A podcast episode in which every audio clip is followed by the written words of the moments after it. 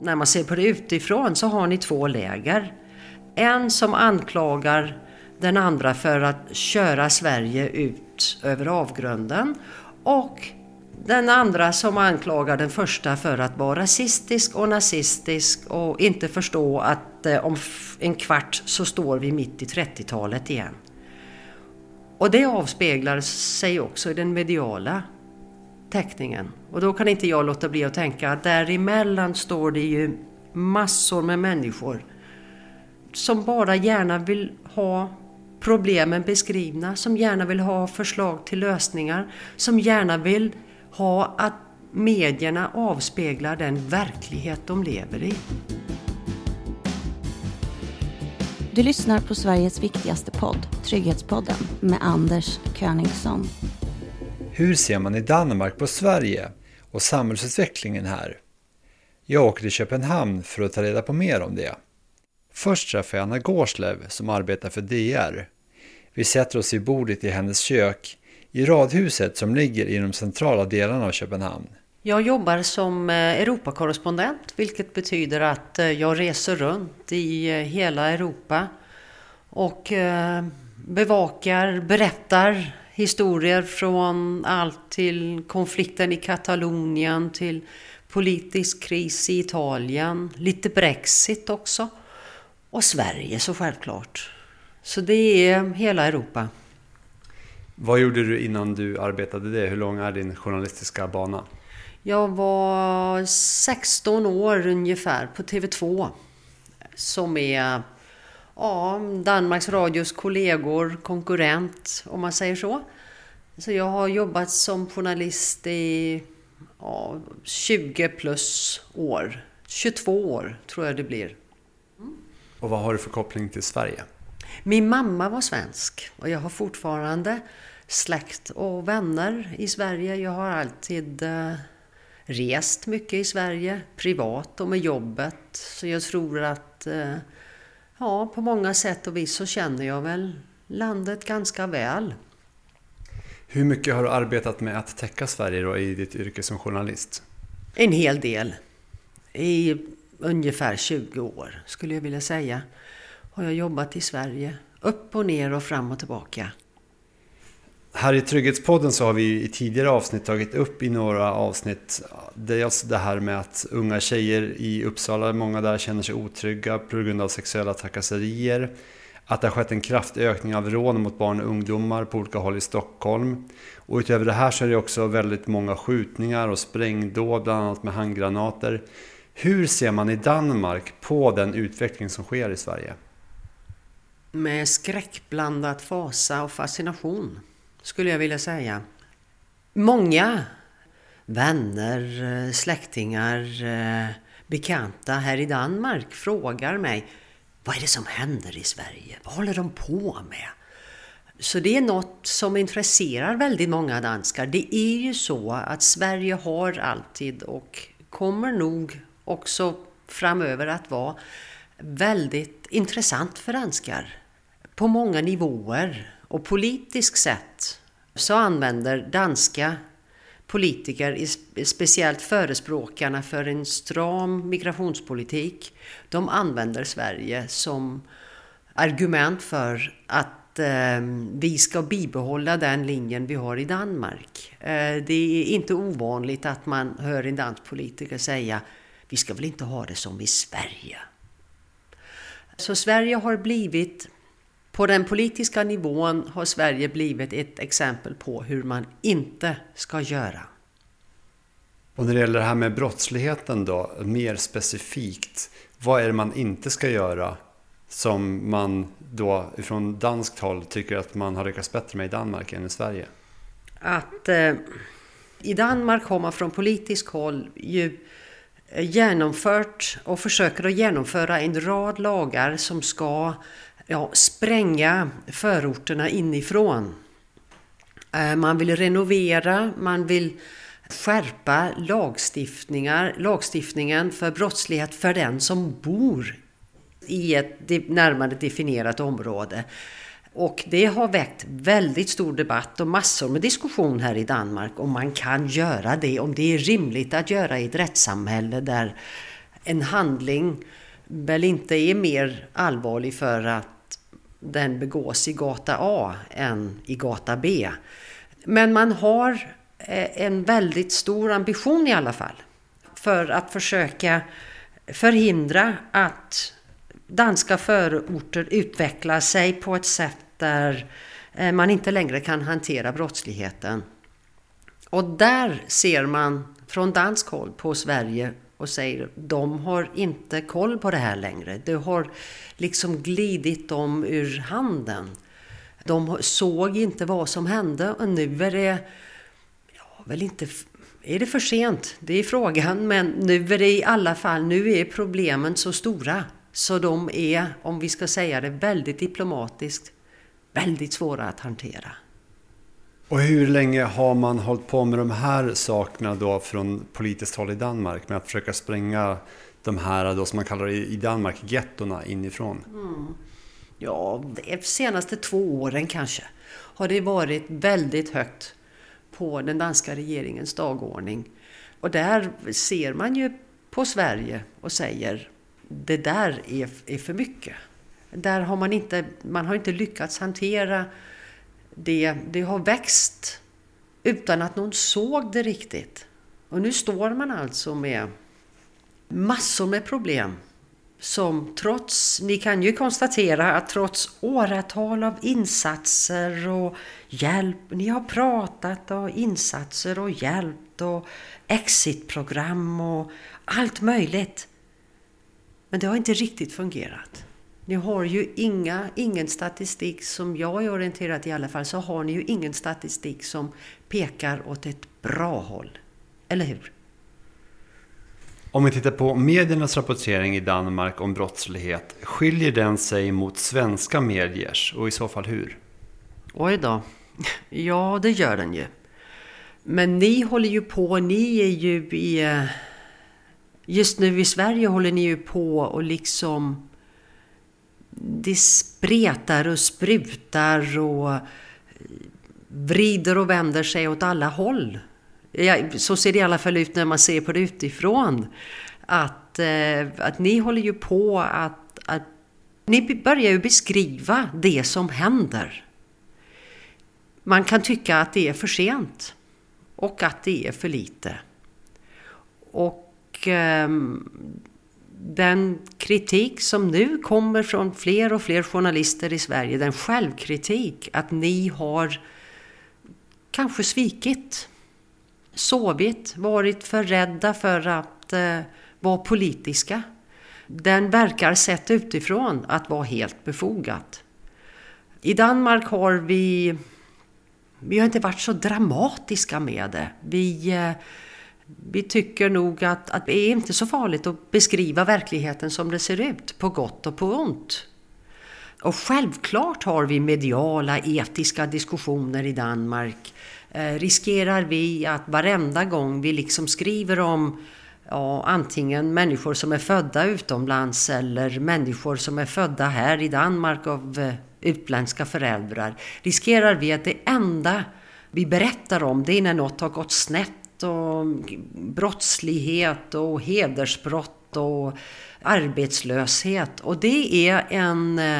Eh, och jag vet att det är ju många av utländsk ursprung som bor i Danmark som genom åren har varit jättetrötta på den där bilden av att varenda gång man skriver eller pratar om en mörkhårig, om man kan säga det så, då handlar det liksom bara om skit och problem och trakasserier och allt det som inte funkar. Och det förstår jag. Att där har vi danska medier också diskuterat har vi varit för problemorienterade. Men det är ju journalistikens väsen. Att vi beskriver problem och hur man kanske också ibland på en solig dag hur man kanske kan lösa de problemen. Men vi beskriver ju inte den vanliga vardag. Hemma hos Anna och Fredrik och dottern Camilla. Och han går och cyklar till kontoret och hon tar bilen till skolan och, och slänger av Camilla eh, på dagis. Den verkligheten beskriver vi inte. Och den verkligheten har vi ju i massor av hem i Danmark. Om, och kanske pappa heter Ahmed och mamma heter Jamila. Det gör ju ingen skillnad. Men det ses, eller det är kanske mer påtagligt när, det, när kontexten så ofta blir eh, problematiserande när det handlar om, om, eh, om utlänningar. Till exempel har vi i Danmark och haft en väldigt stor debatt. Vad ska man kalla människor av utländsk ursprung? Och där har vi ju i Danmark i många år benämnt dem invandrare. Och det är ju, ganska, det är ju konstigt. För en invandrare, om man är född i Danmark, är man väl egentligen inte invandrare. Men så nu har vi ju under senaste åren försökt med nydanskare. Nydanskar. Det kanske, det, jag tror att det, det, det funkar okej. Okay. För då, då, förstår man liksom att nej, du har inte varit här i generationer, men dansk det är du väl. Men okej, okay, för att svara på din fråga, Sverige. Där har ni ju haft en helt annan bild. Eh, och en medial bild som nu avspeglar det faktum att när man ser på det utifrån så har ni två läger. En som anklagar den andra för att köra Sverige ut över avgrunden och den andra som anklagar den första för att vara rasistisk och nazistisk och inte förstå att eh, om en kvart så står vi mitt i 30-talet igen. Och det avspeglar sig också i den mediala teckningen. Och då kan inte jag låta bli att tänka att däremellan står det ju massor med människor som bara gärna vill ha problemen beskrivna, som gärna vill ha förslag till lösningar, som gärna vill ha att medierna avspeglar den verklighet de lever i. Den här bilden då som du beskriver, tror du att det har varit någon påverkan på samhällsutvecklingen att journalisterna inte kritiskt har granskat det i Sverige på samma sätt som du beskriver att man har gjort det i Danmark? Självklart. Ni har ju haft, eh, eller den helt centrala aktören i det spelet är ju Sverigedemokraterna. Tänk att ingen tidigare sträckte fram handen till Sverigedemokraterna och frågade eller de som gärna vill rösta på Sverigedemokraterna och frågade varför vill du det? Vad är det i ditt liv som inte funkar? Vad tänker du? Vad tycker du? Hur ser det ut hemma hos dig? Vad är det du upplever? Vad är det för svar du inte får någon annanstans? Istället så sa man, nej du är ond, dum, du tänker fel, du tycker fel. Och så står man i den situation man står i idag. Det har varit ett, helt otroligt när man ser på det utifrån. Och eh, självklart har det påverkat samhällsutvecklingen på politisk nivå och på alla andra nivåer också. Om ni hade gått in lite mer ja, fördomsfritt och sagt nej, vi har ett problem här och vi struntar i om han heter Sven eller Ahmed, men vi har ett problem. Och detta problem kan också ha en kulturell dimension. Och det blir man inte rasist av att tycka eller av att veta och agera utifrån den verklighet som finns. Att det behöver inte enbart handla om att i detta området har vi inte många pengar. Det är svårt att få jobb. Tänk om det också handlar om vad som finns i huvudet och hjärtat. Vad, vilket kulturellt gods som man har med sig hemifrån. Att det kan ha inflytande. Det kunde ju ha, tror jag, det kunde ha sett mycket annorlunda ut.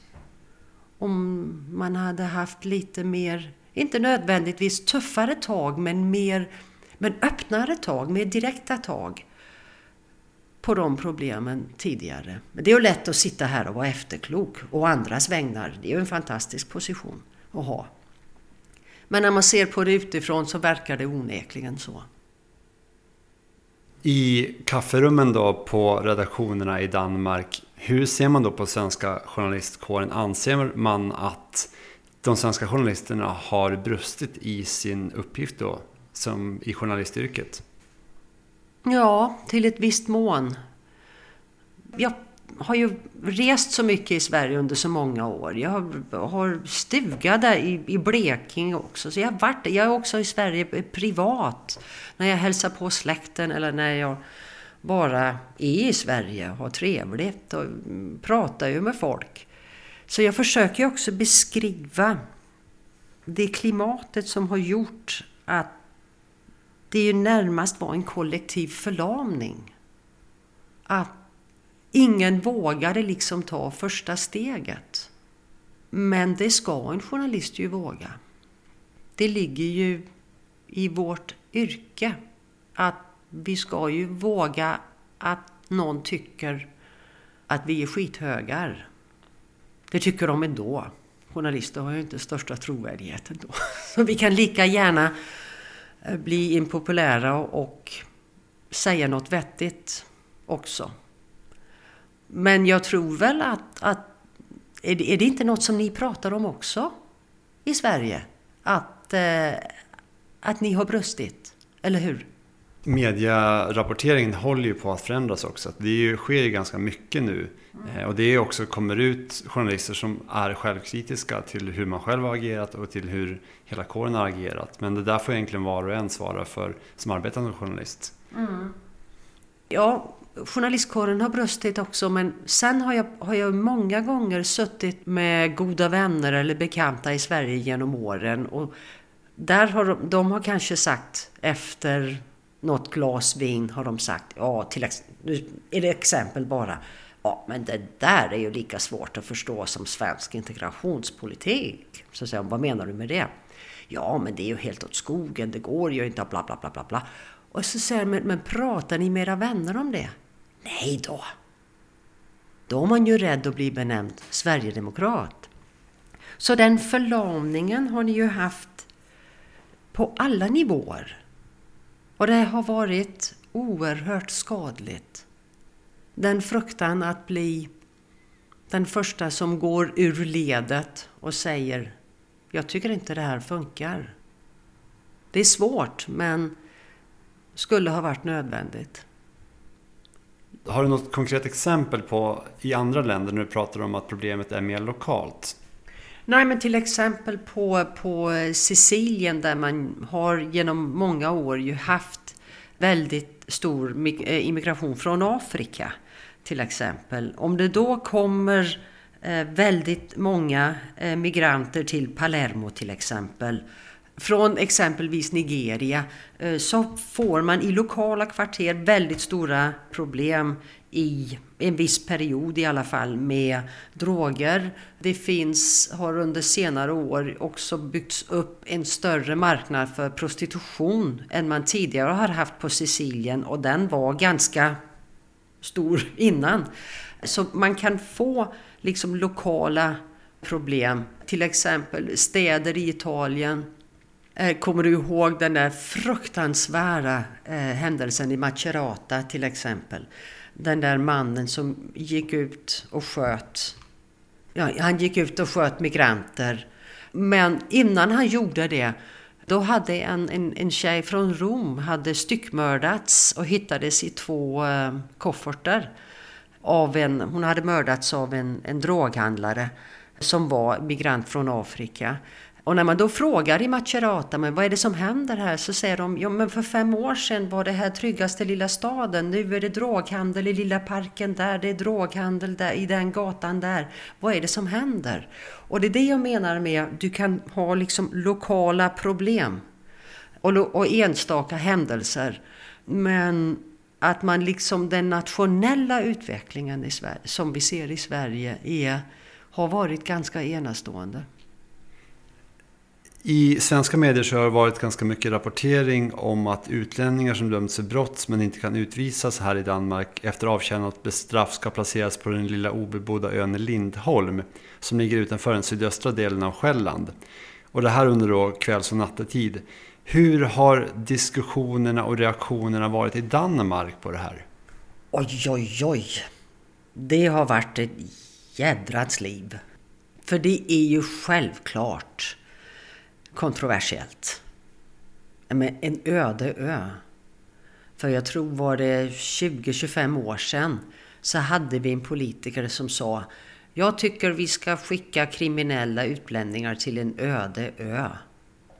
Och alla sa men vad fan tänker du på? Hur kan du säga så? Och nu, 20 år efter, så har den danska regeringen faktiskt en konkret plan för detta. Det är en väldigt impopulär plan på många nivåer i Danmark. Lokalt, de nya grannarna vill inte ha dem, vilket kanske är föga överraskande. Och många tycker att nu har vi, ta mig fan, gått för långt. Så det är en diskussion som man kan föreställa sig om det kommer, vi ska ju ha val snart i Danmark. Och nu vet vi ju inte vem som får majoritet, vem som kommer att bilda regering. Men om andra partier än de som idag har inflytande, om de får inflytande så kan det vara att det beslutet inte kommer att hålla och inte kommer att bli verklighet. Vi kan i alla fall inte vara bergsäkra på att det blir verklighet. Jag tror att den danska regeringen använder det här som signal till omvärlden. Kom inte hit.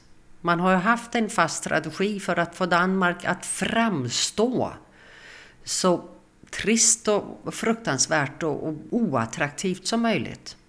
Och det här spelar in i den strategin. Man ska liksom ha the saying där ute. Oj, i Danmark slänger de utlänningar i det som nästan är ett fängelse på en öde ö. Nej, dit ska vi inte söka asyl. För det, är, det verkar ju också vara ekonomiskt eh, svårt att försvara. Det är väldigt, väldigt dyrt att bygga det, det här stället. För folk ska ju liksom ha någonstans att bo. Det är dyrt, det är besvärligt. Jag tror att det, det handlar om att man vill visa det är ett signal, liksom den där eh, lagen om, om värdesaker, om smycken. Och då struntar de högaktligen i om New York Times eller alla andra eller massor, tidningar i utlandet skriver att vad händer i Danmark? De vill ha the message through. Och det får de. Men det är ett exempel på att de, många av dem som tycker att nu har det gått för långt, de höjde rösten den här gången. Men från politiskt håll då, om de har det som strategi, då måste de någonstans tänka att det här kan vi locka väljare till och få röster. Finns det också många som tycker att det här är bra, eller hur tänker politikerna? Jag tror inte att, det, att, att de som redan skulle rösta på till exempel Dansk Folkeparti, som ju har varit med och, och skapade den här tanken och som tycker det här är ju en kanonbra idé. De kommer nog att rösta på Dansk Folkeparti ändå. Frågan kan vara, vi, vi har ju ett vänsterparti som har, sitter med statsministerposten och bildar regering just nu. De har ju väljare som inte är glada för den väldigt, väldigt strama linjen som vänster har lagt. Så om du ser, om du ser hur, hur de olika företrädarna för vänster, när de pratar om migrationspolitik och asylpolitik och allt, och tag mot brottslighet och allt det där, då finns det väldigt, väldigt långt från högerfalangen till vänsterfalangen om man säger så. Så det är väldigt, väldigt brett. Och där vet jag i alla fall att det finns analytiker som säger att det här kan ju flytta väljare bort ifrån ett parti som vänster och in emot mitten. Därför att det här är kanske att, att gå för långt. Det här med danska valet, har det varit någonting där från politiskt håll att man har använt Sverige som ett slagträ i debatten? Nej, inte så mycket nu faktiskt. Eh, det ligger mer generellt när det är något. Till exempel när ni gick till val. Där var det ju uppenbart. Det var något som följdes eh, med stort intresse här i Danmark. Varenda gång vi skrev en artikel så klickades och klickades och klickades på den och allt vad vi gjorde var något som det var väldigt stort intresse för. Och där var det ju typiskt att där kunde man liksom köra en ronda eller två eller fem på Sverige.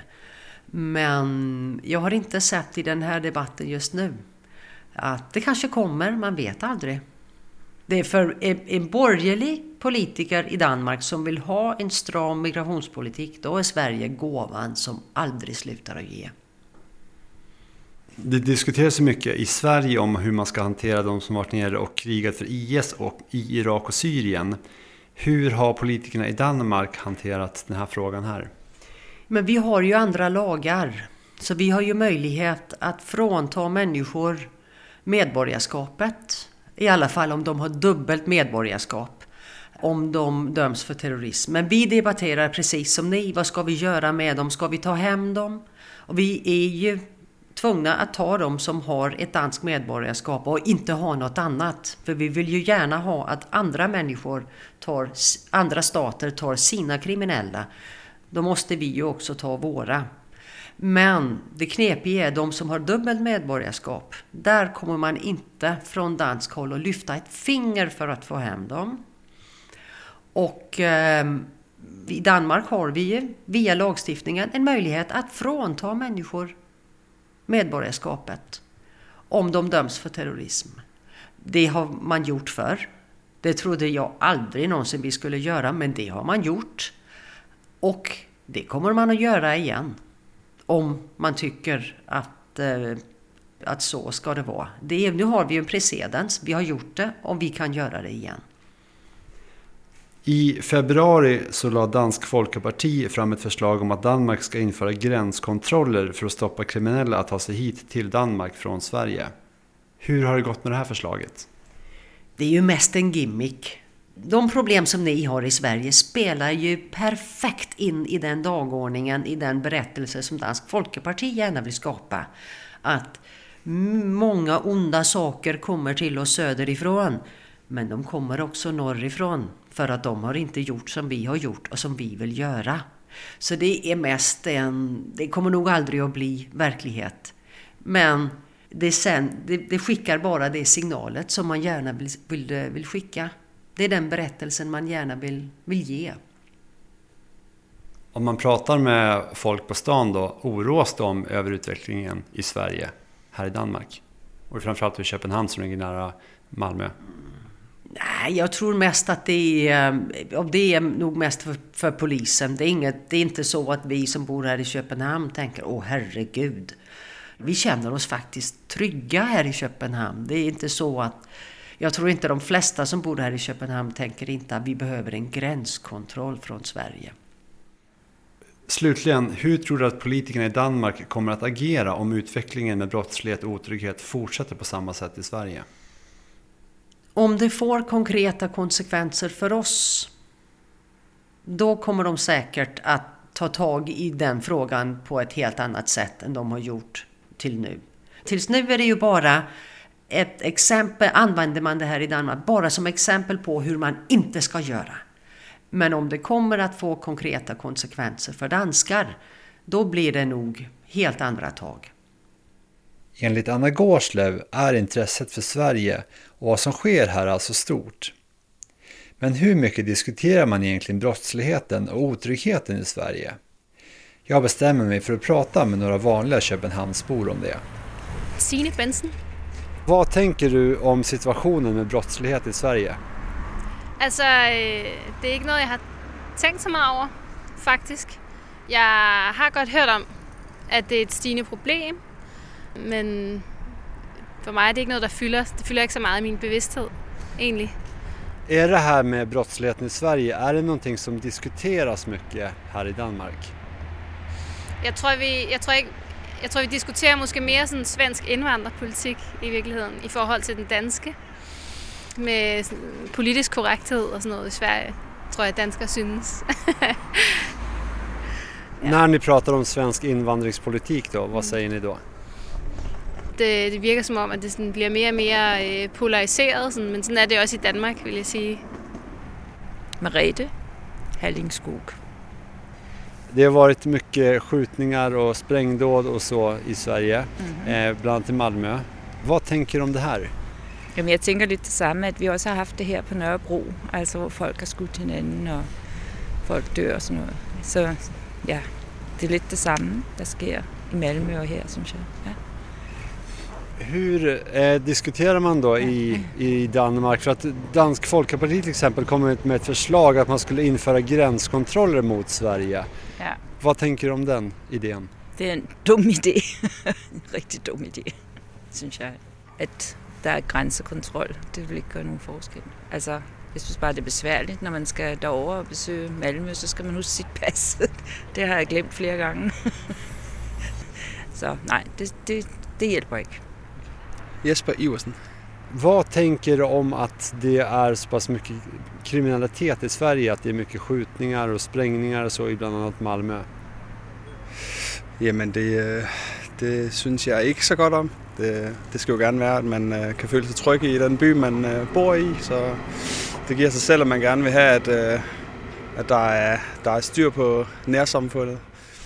Att det är kriminalitet så i Sverige och de här sakerna som händer i till exempel då Malmö. Är det här någonting man diskuterar här i Köpenhamn?